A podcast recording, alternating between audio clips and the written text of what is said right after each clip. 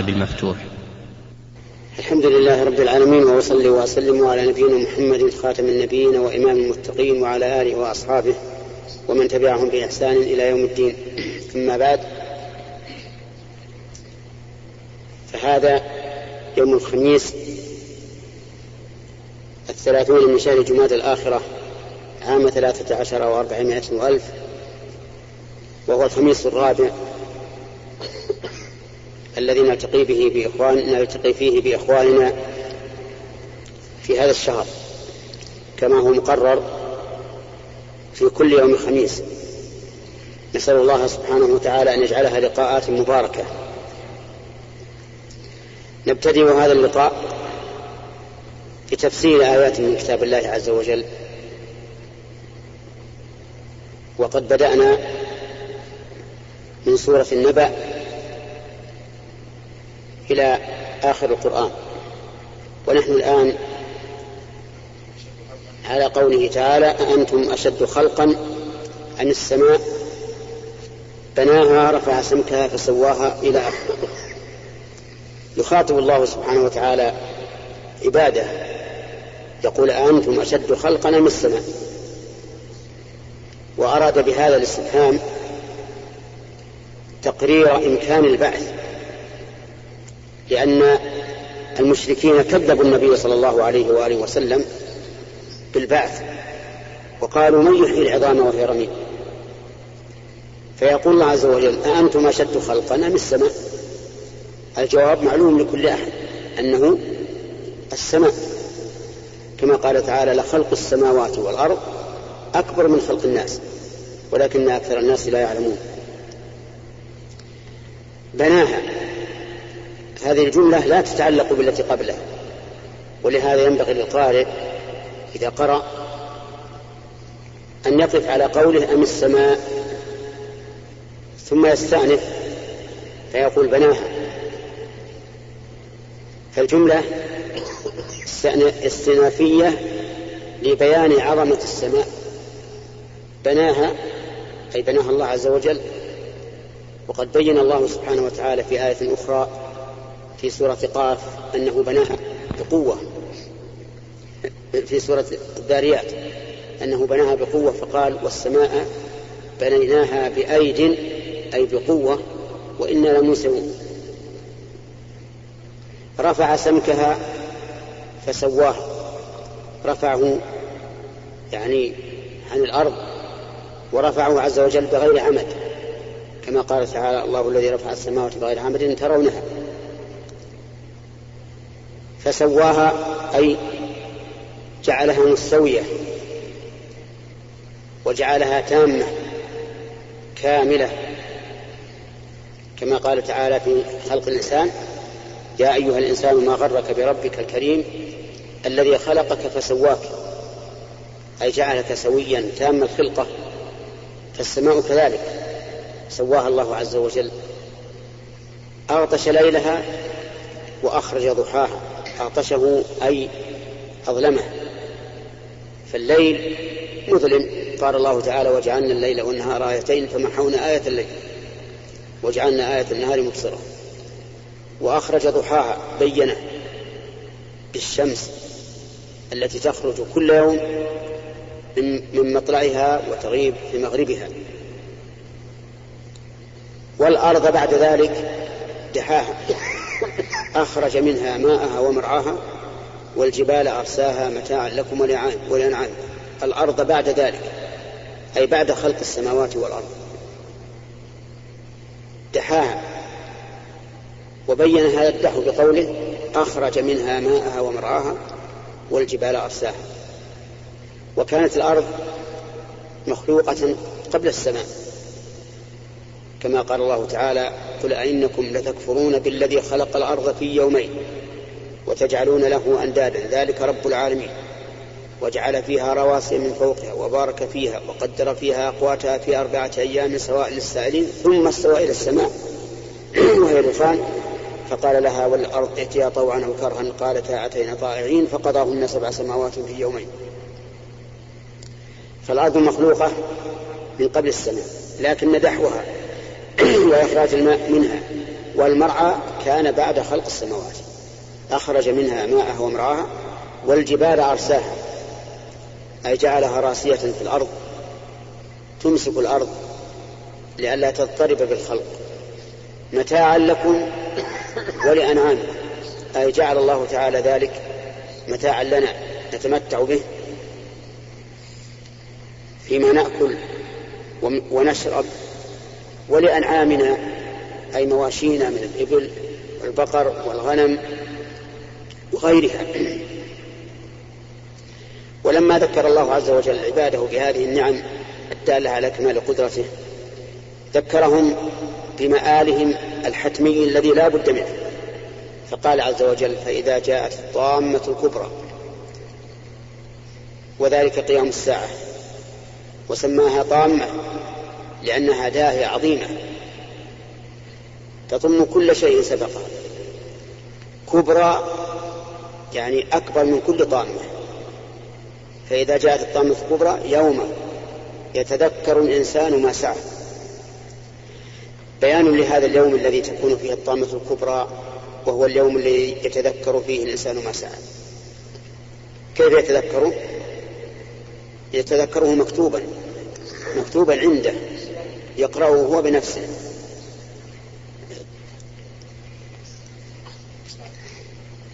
يقرأه هو بنفسه. أصير صفين قال الله تعالى ونخرج له يوم القيامة كتابا يلقاه منشورا. اقرأ كتابك كفى بنفسك اليوم عليك حسيبا. إذا قرأه تذكر ما سعى أي ما عمل. أما اليوم فإننا قد نسينا ما عملنا عملنا أعمالا كثيرة منها الصالح ومنها اللغو ومنها السيء. لكن كل هذا ننساه في يوم القيامة يعرض علينا هذا في كتاب ويقال اقرأ كتابك أنت بنفسك. كفى بنفسك اليوم عليك حسيبا فحينئذ يتذكر ما سأل. يقول الكافر يا ليتني كنت ترابا. ثم قال وبرزت الجحيم لمن يرى. أعاذنا الله وإياكم منها. برزت أظهرت تجيء تقاد بسبعين ألف زمام. كل زمام فيه سبعون ألف ملك يقودونها. إذا ألقي منها الظالمون مكانا ضيقا مقرنين دعوا هنالك ثبورا تأتي والعياذ بالله لمن يرى ويبصر فتنخلع القلوب ويشيب المولود. ولهذا قال فأما من طغى وآثر الحياة الدنيا فإن الجحيم هي المأوى. هذان الوصفان هما وصفان أهل النار الطغيان وهو مجاوزة الحد وإيثار الدنيا على الآخرة بتقديمها على الآخرة وكونها أكبر هم الإنسان. فإذا قال قائل ما هو الطغيان؟ قلنا الطغيان مجاوزة الحد كما ذكرناه آنفا. مجاوزة الحد بماذا؟ ما هو حد الإنسان؟ حد الإنسان مذكور في قوله تعالى وما خلقت الجن والإنس إلا ليعبدون فمن جاوز حده ولم يعبد الله فهذا هو الطاغي هذا هو الطاغي لأنه تجاوز الحد.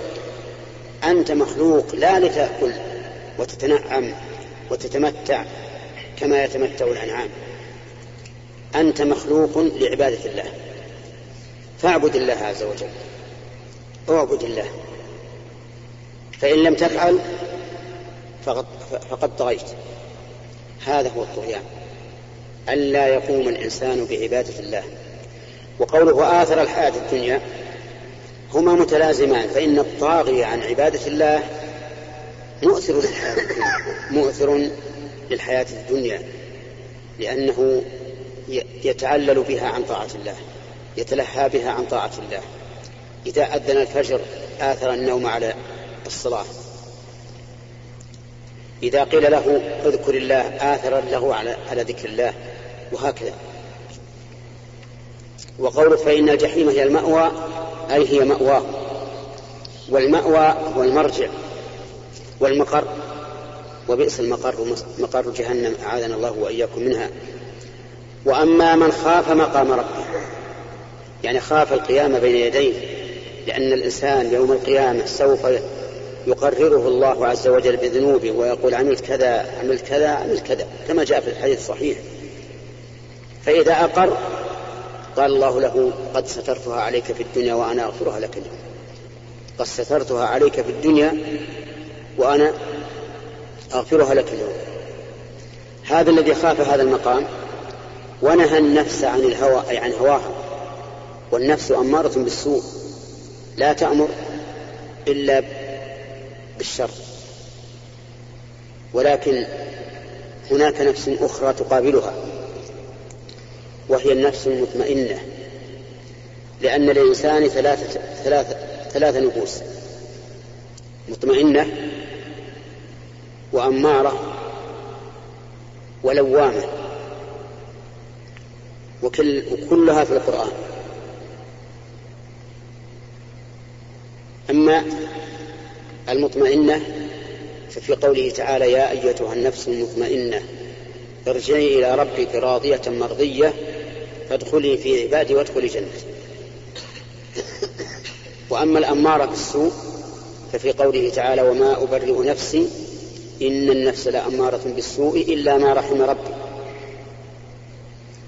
وأما اللوامة ففي قوله تعالى لا أقسم بيوم القيامة ولا أقسم بالنفس اللوامة.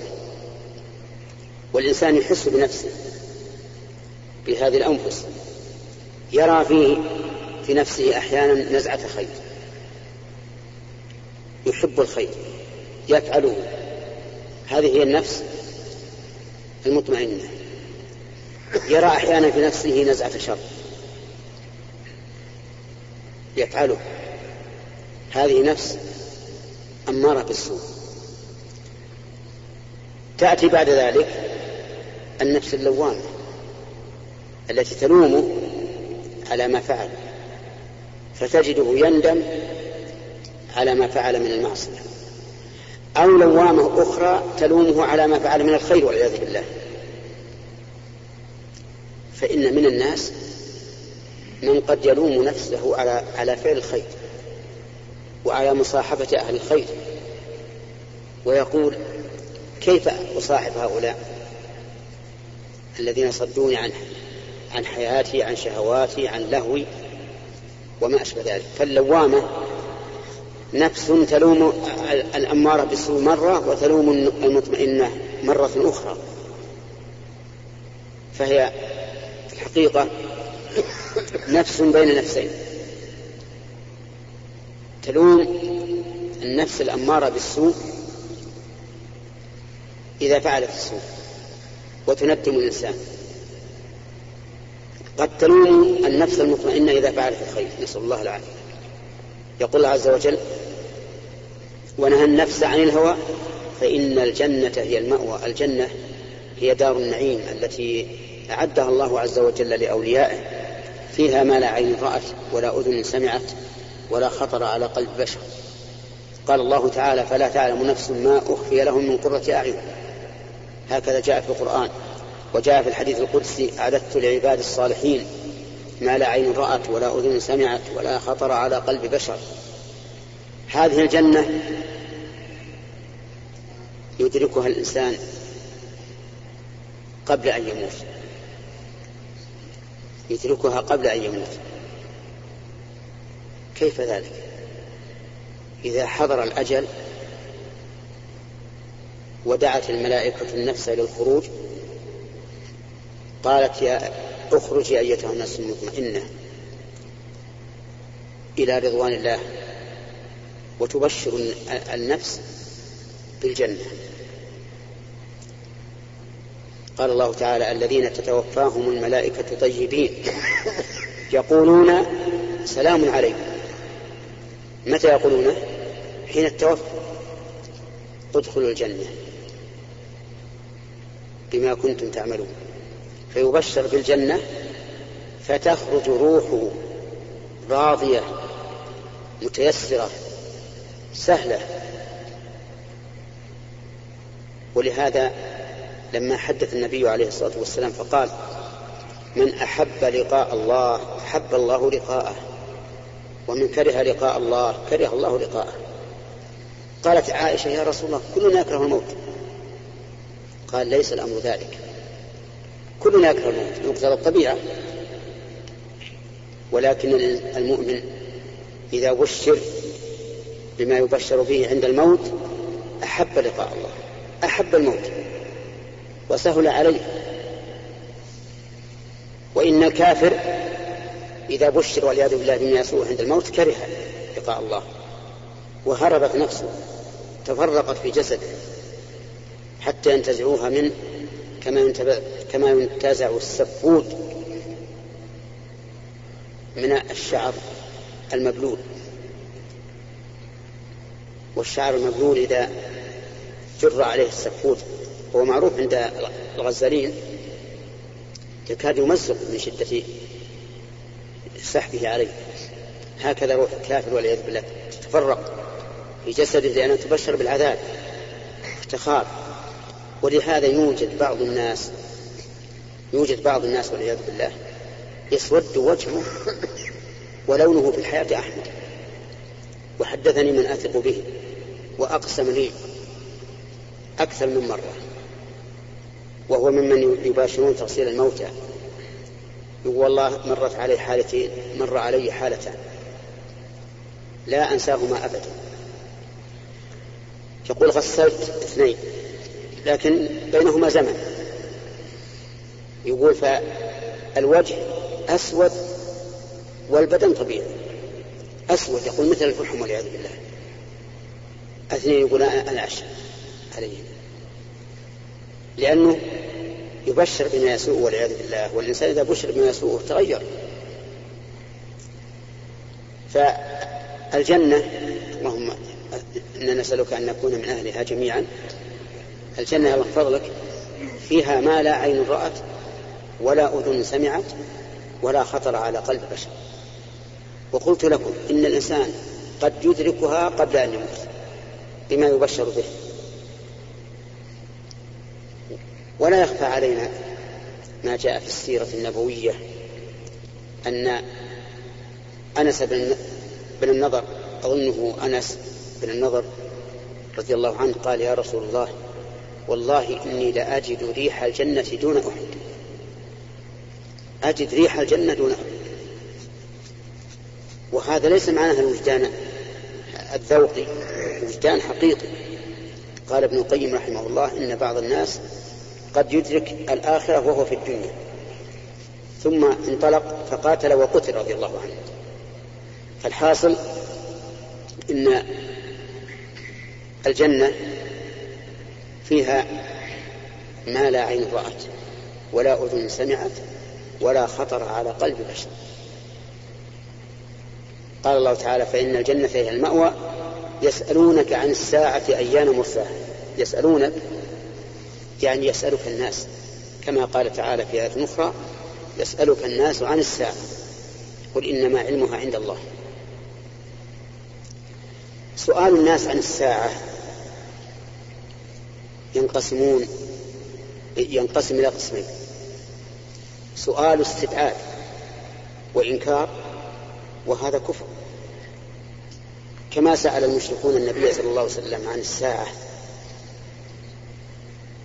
واستعجلوها. وقد قال الله عن هؤلاء يستعجل بها الذين لا يؤمنون بها. والذين آمنوا مشفقون منها ويعلمون أنها الحق. وسؤال عن الساعة. يسأل متى الساعة ليستعد لها. وهذا لا بأس به. وقد قال رجل للنبي عليه الصلاة والسلام يا رسول الله متى الساعة؟ قال له ماذا أعددت له ماذا أعددت له قال حب الله ورسوله. قال المرء مع من أحب. فالناس يسألون النبي عليه الصلاة والسلام ولكن تختلف نياتهم في هذا السؤال. إنما مهما كانت نياتهم ومهما كانت أسئلتهم علم الساعة عند الله. ولهذا قال فيما أنت من ذكراه.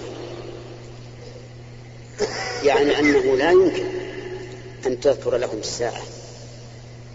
لماذا؟ لأن علمها عند الله.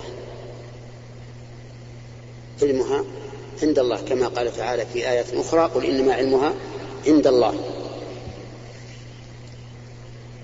وقد سأل جبريل وهو أعلم الرسل. سأل النبي صلى الله عليه وآله وسلم وهو أعلم أعلم الخلق من البشر قال أخبرني عن الساعة. فقال له النبي صلى الله عليه وآله وسلم ما المسؤول عنها؟ بأعلم من الساعة. يعني أن إذا كانت خافة عليك فأنا خافة عليك. وإذا كان أعلم الملائكة وأعلم البشر لا يعلمان متى الساعة فما بالك؟ بمن دونهم بمن دونهما. وبهذا نعرف أن ما يشيعه بعض الناس من أن الساعة تكون في كذا وفي كذا وفي في زمن معين كله كذب. نعلم أنهم كذبة في ذلك لأنهم لا يعلمون الساعة ما لا يعلمها إلا الله عز وجل. إنما أنت منذر من يخشاه. يعني ليس عندك علم منها ولكنك منذر.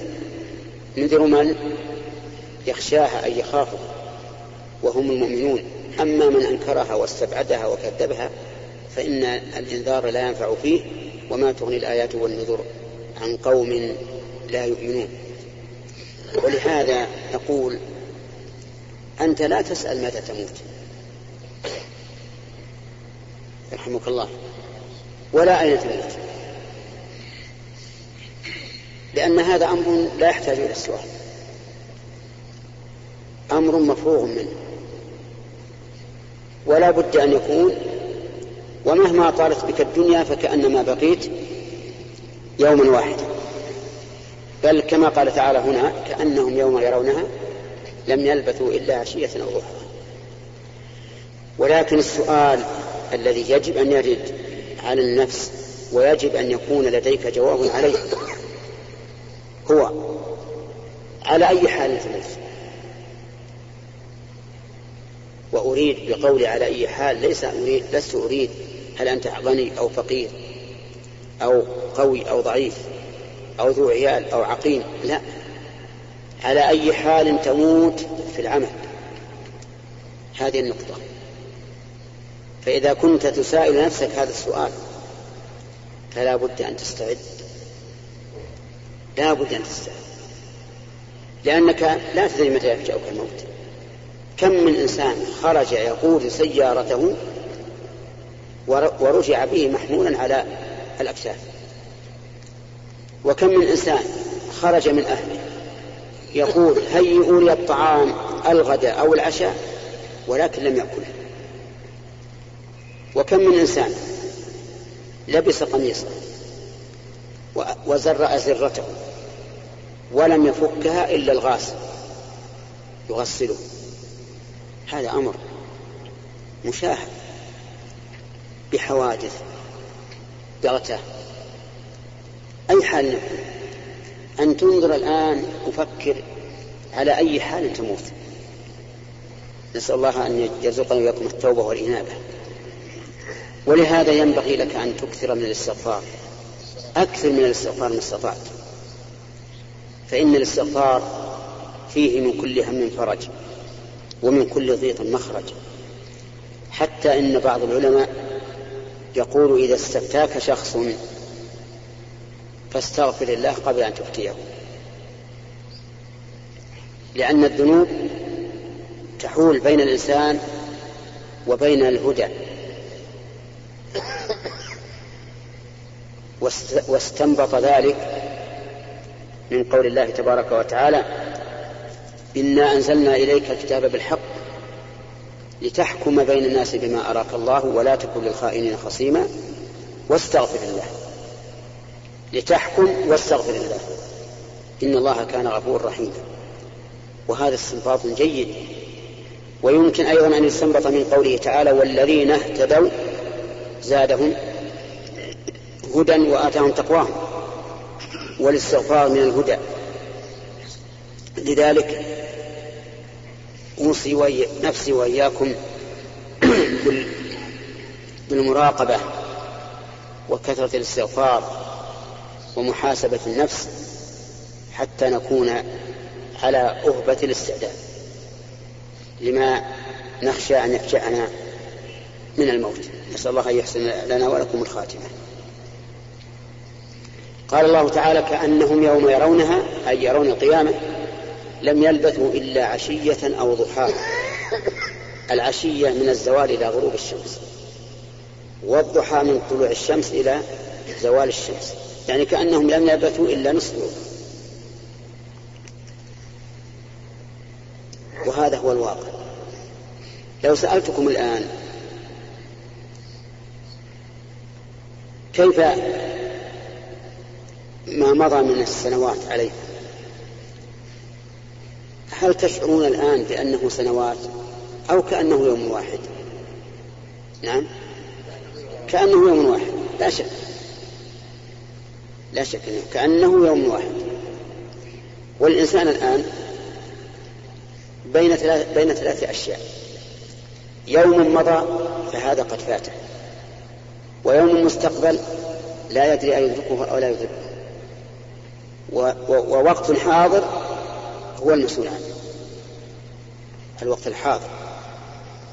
أما ما مضى فقد فات وما فات فقد مات. هلك عنك. اللي مضى هلك عنك. والمستقبل لا تدري أتدركه أم لا. والحاضر هو الذي أنت مسؤول عنه. أسأل الله تعالى أن يحسن لي ولكم العاقبة وأن يجعل عاقبتنا حميدة وخاتمتنا سعيدة. إنه جواد كريم والحمد لله رب العالمين صلى الله وسلم على نبينا محمد وعلى آله وأصحابه ومن تبعهم بإحسان إلى يوم الدين. أما الآن ف يجي إلى دور الأسئلة. و... على اليمين أول فأول يجي على الدرس. ما كان الدرس. الآن. بعد ما ينتهي الأخ السلام. كما تعلم يا شيخ يعني في آخر الشهر الجاي ستبدأ الإجازة إجازة الربيع. ويا حبذا يعني لو رغبتنا أو رغبت طلاب الجامعة والمدرسين في الدعوة إلى الله ولا يخفى عليكم حاجة الناس في الشمال والجنوب. حتى أني أذكر أني حملت رجل قبل أيام من بعض القرى فأردت أن أقرأ إياهم بعض قصص والصور فقرأتهم الفاتحة فما أحسن قراءتها؟ فتعجبت قلت يا أخي لازم إذا رجعت لقريتك جزاك الله خير تحاول تقرأ الإمام حتى يحسن قراءتك. فقال أنا الإمام. أنا إمام القرية وهو لا يقيم الفاتحة. هي حبذا لو رغبتنا لا سيما أن يعني يكون هناك فضلها فضل الدعوة إلى الله وهل الانشغال في المباحات؟ أن نعلم أن في الربيع غالبا الناس يخيمون في البر ويقضون الأوقات الكثيرة في البراري. وهذه مباحات الحمد لله لا بأس بها ولكن أيهما أفضل؟ هل الإنسان أن يخيم بهذه المخيمات وتضيع عليه الأوقات أم الاشتغال في الدعوة؟ في هذه الإجازة. جزاكم الله خير لا شك أن هذا توجيه مهم من الأخ.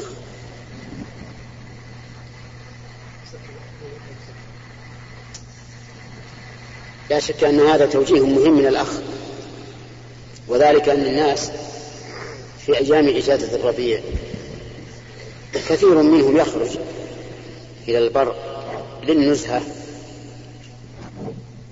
والأنس بأصحابه وإخوانه وهذا من الأمور المباحة.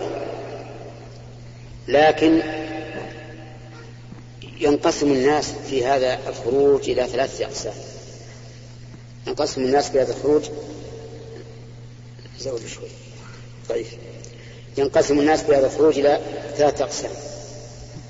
قسم يكتسبون به إثما فتجد عندهم من آلات اللهو موسيقى أغاني ألعاب محرمة يحصل فيها شر ويكون ذلك وبالا عليه.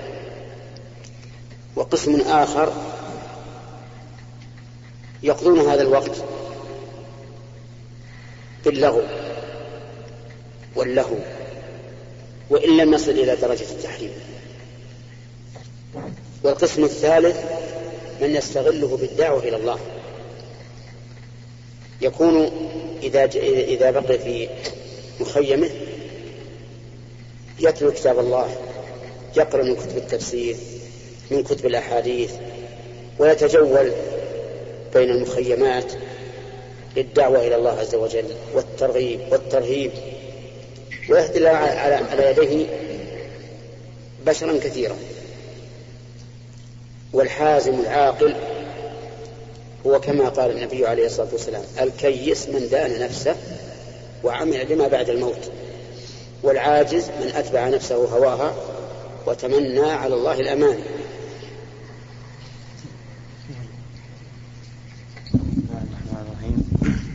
صلى الله وسلم على نبينا محمد. فضيلة الشيخ سؤال عندي خارج الدرس.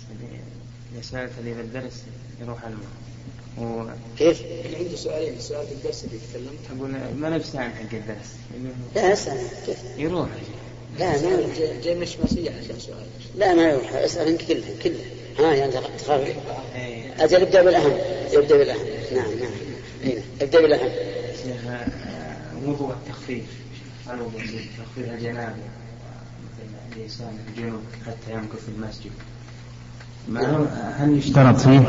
هل يشترط فيه أنه يغسل رجله إذا كانت باقية مدة المسح؟ نعم. هذا سؤال جيد.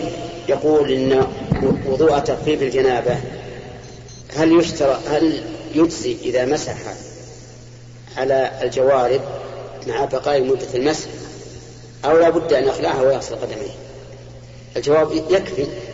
إذا مسح على الجوارب لأنه وضوء يبيح الصلاة له. فإذا كان يبيح الصلاة له إذا إذا لم يكن على جنابة فكذلك يخفف الجنابة. عرفت؟ إيه، هو يسأل عن يقول هل هو يخفف ولو لم يكن غسل رجليه يقول نعم يخفف لأن مسح الجوربين إذا كان ذلك في المدة كغسل القدمين تماما أي إلا من جنابه يعني يعني معناه أن إذا أراد يغتسل الإنسان. إذا أراد أن يغتسل لابد أن يخلع.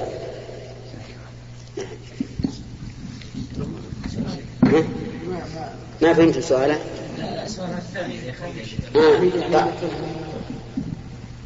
آه. السؤال الأول مفهوم. إنسان عليه جنابة. لا يجوز أن يمكث في المسجد. يجوز أن يعبر في المسجد لكن ما يجوز أن يمكث فيه. إلا إذا توضأ. فهل إذا توضأ وعليه جورب ومسح عليه يكفي؟ أو لا بد أن يخلع الجورب ويصل قدميه؟ الجواب يكفي لأن هذا وضوء شرعي يبيح الصلاة. فهو أتى بحديث صفوان بن عسال الرسول قال يمسح عليهما إلا من جنابة. فقلت له هذا في الاغتسال. إذا أراد أن يغتسل لا بد أن يخلع الجوارح. لا ما يسمحون له. يبي يجيك الشيخ عبد السلام عليكم ورحمة الله وبركاته. السلام ورحمة الله وبركاته. السلام. فضيلة الشيخ سمعنا من بعض المشايخ أن الإنسان يعني إذا مشى بفكر الدعوة إلى الله سبحانه وتعالى وفي نيته أنه يعني كيف كل العالم يهتدي ويدخل في الدين ويمشي بالفكر والهم لهذه الأمة فكل من يعني دخل في هذا الدين يكون له نصيب في الأجر هل هذا صحيح؟ كيف؟ يعني نية الإنسان يخرج من بيته للدعوة إلى الله سبحانه وتعالى ولكن ما يصنع أن يتزول العالم كله ولكن نيته أنه كيف العالم يهتدي ويدخل في هذا الدين فهل كل من دخل في هذا الدين يعني يكون له الأجر والثواب؟ إذا كان إذا لم يكن للإنسان أثر في إدخال غيره في دين الله فليس له أجر. الأجر إنما يكون على من دل على خير وأعان على خير. أما من نوى الخير فله لا شك أجر النية في أنه يحب أن الله أن الله يهدي الخلق لكنه لا يكتب له أجر كل واحد آمن يعني هو طيب اللي عندي موسى. زد زد. نعم.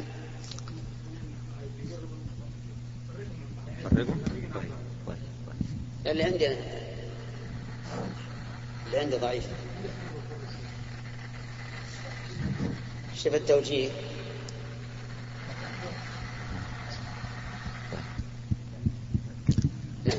يعني فضيلة الشيخ يعني هم يستشهدون بالحديث اللي يعني يقول عليه الصلاة والسلام ما سرتم مسيرا أو قطعتم واديا إلا يعني إن, إن قوم بالمدينة ما سرتم مسيرا أو قطعتم واديا إلا إيش؟ وهم معكم. وفي رواية يعني لهم الأجر. يعني هم يعني نيتهم أنهم يكونوا مع الرسول صلى الله عليه وسلم في هذه الغزوة فالله سبحانه وتعالى كتب لهم الأجر. بين الرسول عليه الصلاة والسلام في هذا أنه حبسهم العذر. حبسهم العذر. نعم. فهم لولا العذر لخرجوا مع المجاهدين. فيكتب لهم أجر العمل الذين وهو ولكن لم يدركوه. يعني يعني هذا برضه الإنسان قصده أنه يعني آه، لو هو يبذل طاقته. إنه أنا لو الله أعطاني الطاقة أجعل اتجول في العالم كله وأبلغ دين الله سبحانه وتعالى حتى العالم يهتدي. نعم. فنيته إنه كيف كل العالم يدخل في دين الإسلام وهو يبذل كل ما عنده من طاقة أو علم ويبلغ يعني قدر ما أعطاه الله من الطاقة. لا ما يصلح ما ما يصلح القياس لأن القضية الغزو قضية معينة. هذه قضية عامة. جزاكم الله خير. بسم الله فضيلة الشيخ آه، حاج آه، ضاعت نفقته فما حكم آه، وهل عليه أن يستدين من مثلا لو كان في حملة أو من رفقائه لكي ضاعت نفقته ويستدين ليش؟ للنحل لكي الفدية الفدية نعم. نعم. نعم. إذا ضاعت نفقة الحاج فإنه ليس عليه أن يستدين. ولكن يصوم ثلاثة أيام في الحج وسبع إذا رجع. إذا ضاعت نعم. إذا ضاعت نفقته إذا؟ إذا ضاعت النفقة بتاعت الحج. أقول إذا إذا ضاعت نفقته وكان عليه هدي تمتع أو قران فإنه لا يلزمه أن أن يستدين. لكن يصوم ثلاثة أيام في الحج وسبع إذا رجع. أما إذا كان ضاعت نفقته ويحتاج إلى نفقة خاصة نفقة يعني أكل شرب وما أشبه ذلك فهذا لا بد أن يستدين إذا لم يكن له شيء. إلا من علم بحاله وأعطاه من الزكاة أو صدقة تطوع فلا هذا طيب. يا شيخ؟ نعم. علي نصف كان علي على ثلاثة الأنساب كلهم ولا هم مخصص أي نصف؟ أقول على أن أن أن يصوم في حي لا إنما يصوم المتمتع أو القارئ. يعني عليه الهدي السلام عليكم ورحمة الله وبركاته. السلام ورحمة الله آه، سائل يا فضيلة الشيخ يسأل آه، هل للمعتمر معتمر يريد أن يعتمر عن ميت؟ يهدي ثواب العمرة للميت. هل له أن يشرك نفسه في الثواب؟ وإذا اعتمر بصبية صغار لمن هل ونوى هو أجرهم للميت هل يكون ذلك؟ جزاكم الله خير. هذان سؤالان في السؤال نعم. أما المسألة الأولى فإنه لا يصح أن ينوي نسكا واحدا عن اثنين. لأن النسك لا يجزي إلا عن واحد. كما لو أردت أن تصوم قضاء عن نفسك وعن ميت فإنه لا يصح وأما المسألة الثانية فإن ثواب الأولاد لهم لأن الصغير الذي لم يبلغ يكتب له الثواب ولا يكتب عليه العقاب. لكن لك أجر أنت. أجر. لكونك أحرمت به. ودليل هذا أن النبي عليه الصلاة والسلام قال في المرأة التي رفعت إليها الصبي ألي هذا حج؟ قال نعم ولك أجر. فقال الحج للصبي له حج وأنت لك أجر. وأما ما اشتهر عند العامة أن أجره يكون لأبيه أو لأمه أو لمن حج به فهذا لا أصل له. نعم. بسم الله الرحمن الرحيم. فضيلة الشيخ سأل سأل عن أنه أنه ذرية. واشغلوها أن تطوع أن التطوع في الحج؟ لأنهم لا شك أنه, أنه يخشى عليهم من نقص الأخلاق في غيبة حجه. فهل ترى له عذر في ذلك ولا لا؟ لا شك أن تربية أولاده واجبة. وحج التطوع ليس بواجب. وكذلك العمرة عمرة التطوع. فإذا كان يخشى على أولاده من الضياع إذا ذهب للعمرة في رمضان مثلا أو للحج فإنه لا لا يجوز أن يذهب للحج. لا يجوز. لأنه مسؤول عن أهله سؤال مباشرة. والحج تطوع الحج الذي الذي أنا أتكلم عنه هو حج التطوع لأنه مثل عليها الموضوع مثل على الإنسان. جزاك الله خير. جزاك الله خير. السلام عليكم ورحمة الله وبركاته. السلام ورحمة الله وبركاته. فضيلة الشيخ آه، في الأسبوع اللي قبل الماضي سأل أحد الأخوان فقال أنا أذهب لسبعين كيلو وأرجع هل عليه قصر فافتيله ليس فافتيت بأن ليس له قصر بسبب الصلاة بسبب أنه لا يحتاج إلى مؤونة أو طعام. فما رأيكم الآن الإنسان يستطيع أن يسافر للرياض أو الدمام ويرجع بيومه بدون مؤونة سواء على السيارة أو الطائرة؟ أرجو التفصيل لعدم الالتباس. جزاكم الله خير. العبرة بما بالعادة مو بالفعل العادة أن من ذهب إلى سبعين كيلو ورجع في يومه لا يستعد له استعداد السفر. لكن من ذهب إلى الرياض أو إلى مكة من القصيم فالعادة أنه يستعد له. هذه العادة. يشدون الرحال ويأتون بالأزواج بالمياه بالقرب. لكن كونه الآن بالطيارات ليس بعبرة. العبرة بما كان الناس عليه على عهد النبي عليه الصلاة والسلام أن مثل هذا السفر يستعدون له. الآن ربما يذهب الإنسان إلى أبعد من الرياض إلى محلات بعيدة ليس معه الدراهم فقط. يجد الطعام هناك أمامه في الأوتيلات وغيرها ولا, يحمله. لكن العبرة بالأول. الأول أن الناس إذا ذهبوا إلى مكان قريب كالسبعين كيلو مثلا ورجعوا في يومهم أنهم لا يستعدون لهذا الشيء. ولا يقال فلان مسافر. لكن إذا أراد أن يسافر إلى محل آخر أو أو إلى سبعين كيلو وسابق يومين أو ثلاثة أيضا فإن هذا يستعد له. فالمسألة في الحقيقة كما سمعت الآن مني هذا قول لبعض العلماء. بعض العلماء يقول لا مسافة القصر محدودة ما ترجع للعرف إذا بلغ 81 كيلو أو أو أكثر قليلا فهي مسافة قصر وإذا كان دون ذلك فليست مسافة قصر لكن هذا ما ما ما في دليل. ما في دليل. ولهذا أنكره شيخ الإسلام ابن تيمية رحمه الله وقال إن العبرة بما يسمى سفر نعم. السلام عليكم ورحمة الله وبركاته. الآن مثلا لو راح الإنسان الرياض في الصباح ورجع العصر. قال الناس انه مسافر لكن لو لا مو العبر بالاخذ لكن لو كان لو كان على ابل تأخذ ولا ما تأخذ؟ تاخذ ويسمون الآن الناس مسافر. لكن لو ذهب كما قلت مثلا إلى إلى الرص من عنيز ورجع بيومه ما قال الناس هذا مسافر. نعم. السلام عليكم ورحمة الله وبركاته. السلام ورحمة الله وبركاته. فضيلة الشيخ هناك بعض المسلمين من أصحاب المعاصي نزورهم بنية الدعوة إلى الله عز وجل.